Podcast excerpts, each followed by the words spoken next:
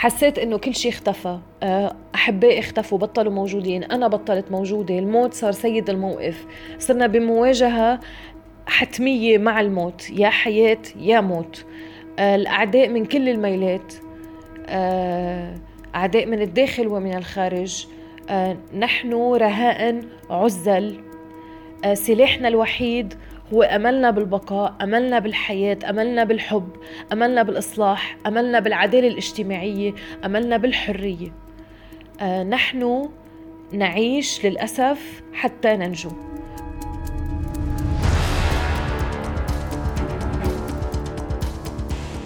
أهلا بكم في بودكاست في عشرين دقيقة. الكلمات التي استهلينا بها حلقة اليوم جاءت على لسان صوفيا موسى ممثلة مسرحية لبنانية عاشت أقصى مشهدا في حياتها مشهد سقوط سقف بيتها على رأسها. جاء هذا يوم الواقعة المشهودة واقعة انفجار مرفأ لبنان. صوفيا إلى حد اللحظة تحاول أن تستعيد قواها التي خارت وانهارت كما انهار منزلها على الأرض. صوفيا فقدت أحباءها فقدت مسكنها فقدت ثقتها ببلدها. منذ ما يقارب الأسبوع أو أكثر بدأنا نعيش على مشاهد مؤلمة. يمكن أن تكون أكثر إيلاما حتى من الانفجار الذي حصل في مرفأ بيروت. جحافل من اللبنانيين يحملون أمتعتهم. قاصدين أبواب المطارات المختلفة في لبنان هربا من شبح الرعب الذي يحيط بهم داخل بلدهم. إن سألت أكثرهم سيقولون لك لا نعلم إلى أين نود الذهاب ولا نعلم ماذا ينتظرنا في البلدان التي سوف نذهب إليها ولكن حان وقت الرحيل.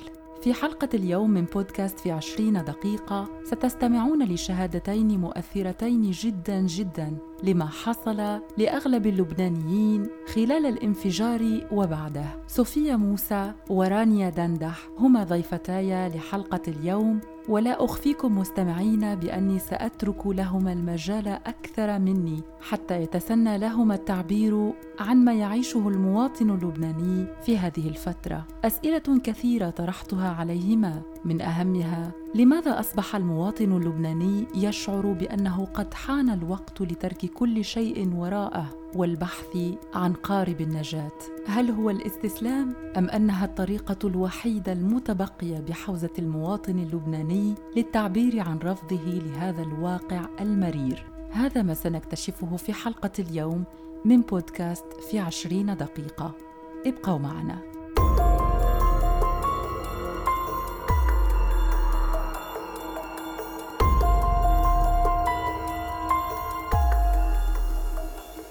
كما هو الحال بالنسبة لأغلب اللبنانيين رانيا دندح كذلك هي واحدة من من يودون وبشدة ترك لبنان والبحث عن واقع أفضل عن حياة تقوم على عيش كريم من دون خوف أو رعب أو التفكير فيما يخبئه الغد في لبنان. بداية بدي أعزي أهالي الضحايا اللي توفوا بانفجار بيروت. وبتأسف إنه مصيرهم كان على أيدي آه، رؤساء وزعماء ومسؤولين ملطخة بالإهمال. ما بعرف شو بدي أقول يعني صارت فعلا أيديهم ملطخة بالدم هلأ.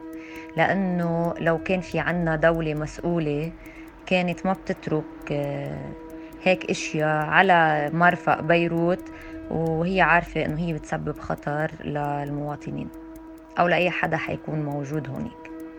من بعد هيدا الانفجار وما قبل الانفجار ما في شيء تغير علينا إلا أنه زادت اللوعة أكثر ببلد فعلا آه، يمكن أدنى حقوق العيش هي أنك تعيش بأمان ببلدك.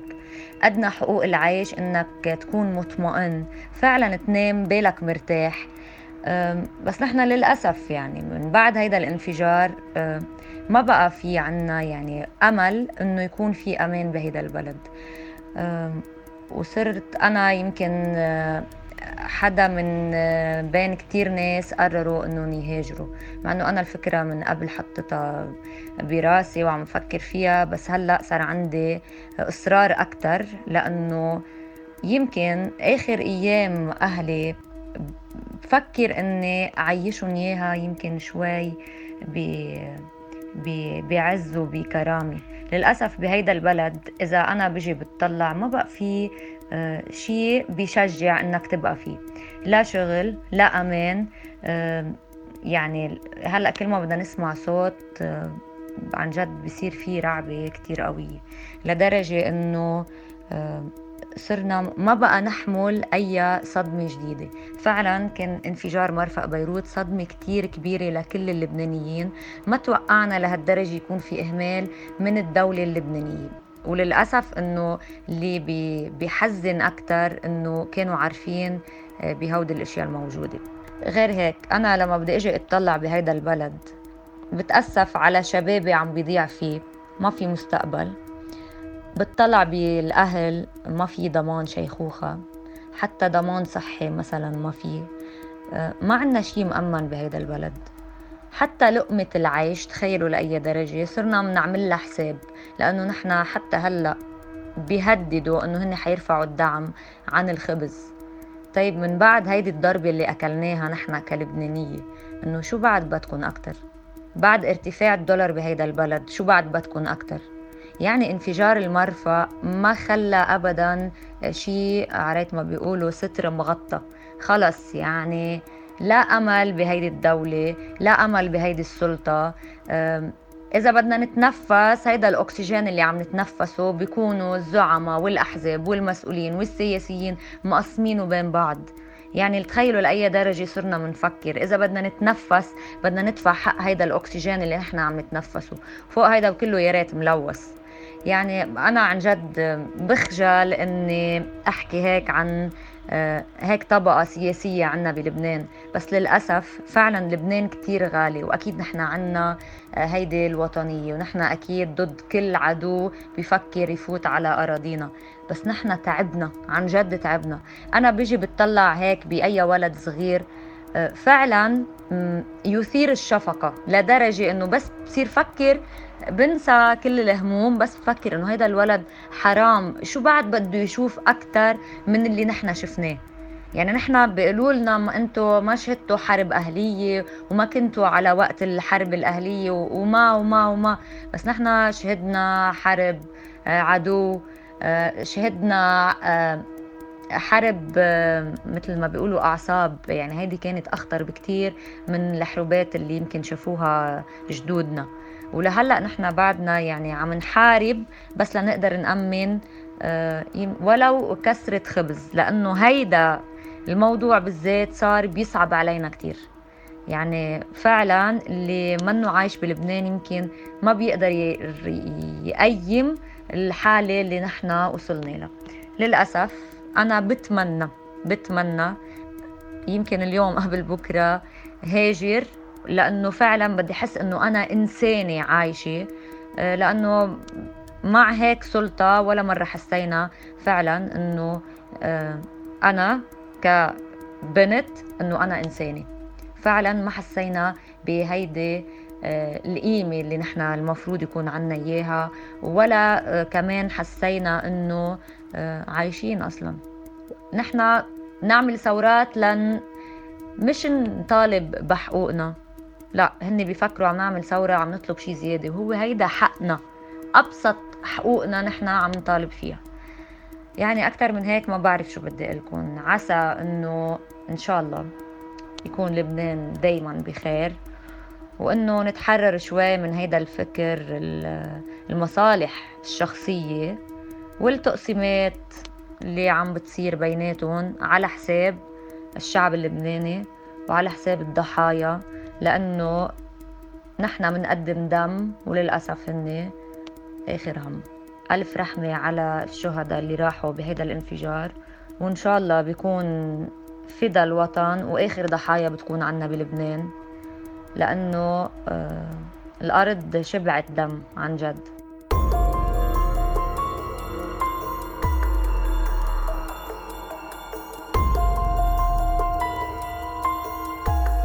وحتى تكون الشهادة أعمق وأصدق وحتى تلامس قلوبكم أكثر.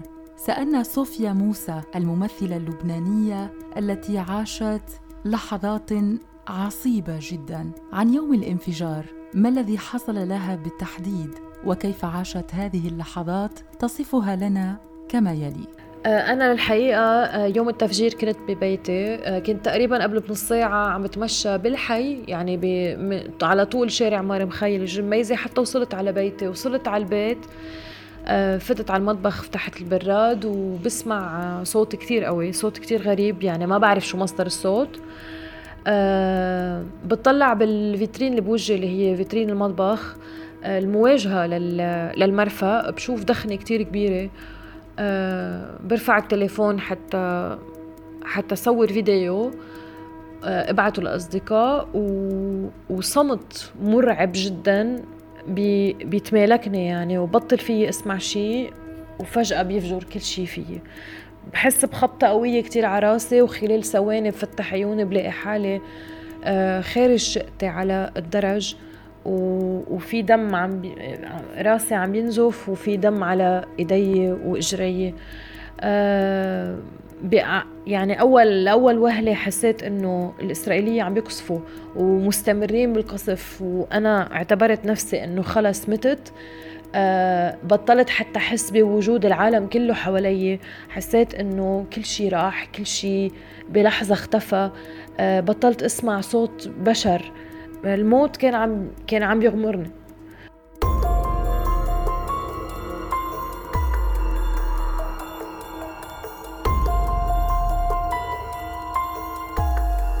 يعني أصبحنا نعيش حتى ننجو ونقتل ثم ننجو ونقتل. وإذا نجينا منضلنا عم ننقتل حتى نموت هيديك الموت المرعبة. أو نتهجر ونموت وحيدين بالمنفى. الشعب اللبناني أمام معركة مع الموت سواء الموت من الجوع. حاليا في أكثر من 50% من الشعب اللبناني صاروا عند حد عند خط الفقر وما دونه. الموت من الحرب الموت من اجتياح الموت من تفجير الموت من عمل إرهابي الموت من كورونا الموت على أبواب المستشفيات لأنه ما معنا مصاري ندفع للمستشفيات وما عنا تأمين صحي.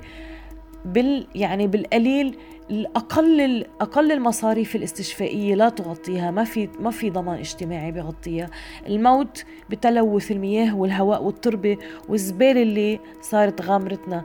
الموت قتلا إذا طلبت بحقك بالشارع. حتى الأمن اللي هو حامل وطن اللي مفروض يكون حامل وطن ضد الشعب. لا كهرباء. الكهرباء عنا بتجي ثلاث ساعات يوميا. قطع ثلاثة أشهر بالصيفية يعني حتى الساعة يمكن ما كانت عم تجي. آه، لا مي لا طبيبة لا استشفاء لا تعليم لا فرص عمل طائفية فتن حرب تصفيات حسابات دولية. اللي عملة خسرت 80% من قيمتها من سنة لهلأ. الأسعار بالسوق لأقل الاحتياجات الحياتية يعني عم بحكي عن غذاء آه، مواد أساسية وطبية.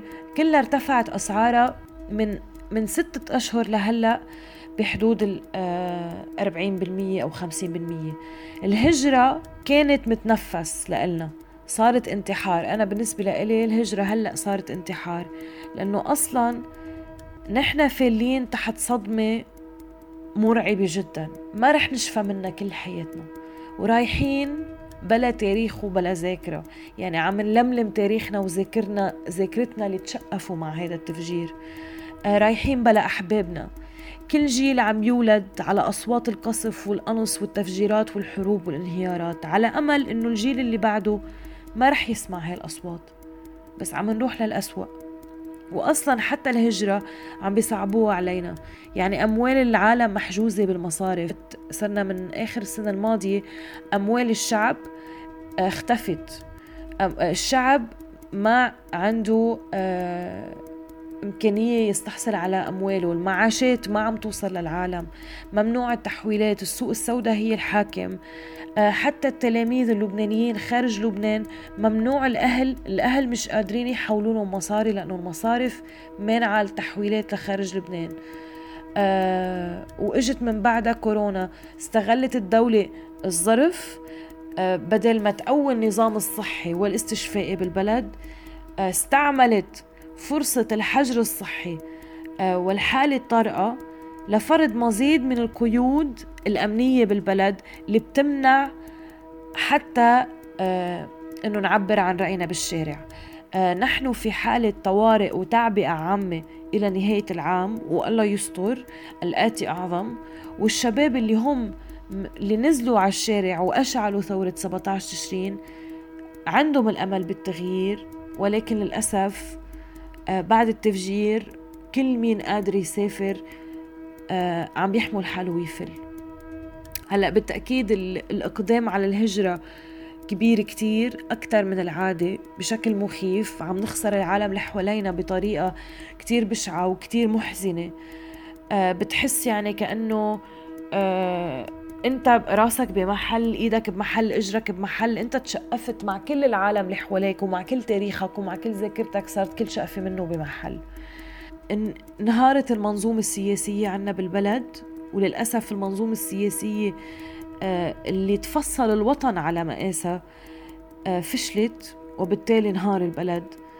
وقبل التفكير بالغذاء والمي والسكن وتأمين الطبابة والتعليم همنا الأول مباشر حاليا بعد تراكم الحروب والنكبات علينا هو النجاة للمرة الأخيرة. ولكن هالمرة النجاة ليس حتى ننجو مرات أخرى إنما حتى نستحق حياة نستحق كرامتنا نستحق العدالة الاجتماعية نستحق الحقيقة بخصوص المجزرة اللي ارتكبت بحق أهل بيروت. دمرونا ودمروا بلدنا شقفونا وشرذمونا وما بقي منا إلا رماد غاضب سوف ينتفض بشجاعة على تحقيق العدالة لأجيال عانت 46 سنة من ملاقاة الموت في كل ثانية. حلمنا إنه نعيش إنه نتنفس قبل كل شيء إنه إنه نستحق الحياة لأنه نحن لسنا بأرقام نحن ذاكرة وتاريخ وإرث اجتماعي وثقافي لابد أن يحيا. ونحن الحب. يعجز اللسان ويعجز العقل كذلك عن أن يتجاوز هذه الكلمات هذه العبارات التي قالتها صوفيا موسى. ضيفتنا لهذا اليوم قالت ما قالته وهي تخنقها العبرات وتواصل حديثها معنا وشهادتها لحلقتنا اليوم لتقول طبعا اللي رح يبقى بالبلد لسبب عدم قدرته على الهجرة أو اللي مصر يبقى رغم, رغم كل الظروف هو بطل. لأنه نحن ما عم نواجه بس منظومة سياسية داخل البلد. نحن عم عم نواجه كمان آه، عنا المساومات الإقليمية والدولية اللي لبنان دائما آه، بملعبها ورقة كبيرة بملعبها بالحديث على الشرق الأوسط. فاللي حيبقى بالوطن تيعمر وتيناضل هو بطل. أنا آه، شخصيا رح هاجر أكيد. صعب الشيء كتير اللي عم بيقولوا هلأ. هاي المرة مختلفة عن كل المرات. آه، هاي المرة في سلخة موجعة جدا. آه، بتمنى إنه ما هاجر للأسف بس رح هاجر. آه، ظروف صعبة طبعا الهجرة كمان يعني ما آه، مع هلأ مع جائحة كورونا وتسكير الحدود وتسكير السفارات يعني هلأ أغلب السفارات بلبنان ما عم تستأنف معاملات الهجرة بحجة كورونا. ممكن تكون من أسباب مش كورونا كمان. أنا ماني قادرة أزيد بقى كتير لأنه قد ما حكيت الكلام يعني مثل ما قال مثل ما قال النفري كلما اتسعت الرؤية ضاقت العبارة. فعلا العبارة ضاقت وصعب جدا آه، إنه الكلام يعبر عن الواقع كيف هو.